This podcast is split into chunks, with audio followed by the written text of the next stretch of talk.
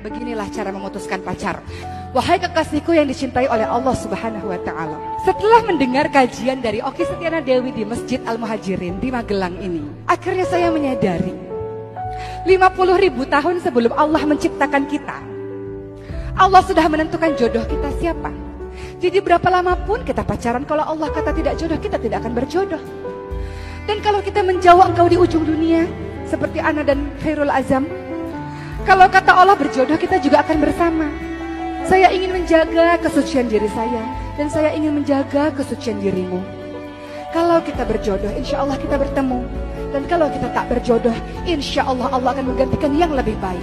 Maka dengan sesadar-sadarnya saya mengatakan saya lebih mencintai Allah dibanding dengan dirimu.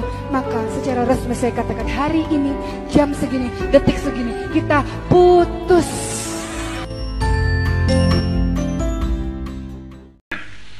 وما تلك بيمينك يا موسى. قال هي عصاي. أتوكأ عليها وأش بها على غنمي ولي فيها معارب أخرى.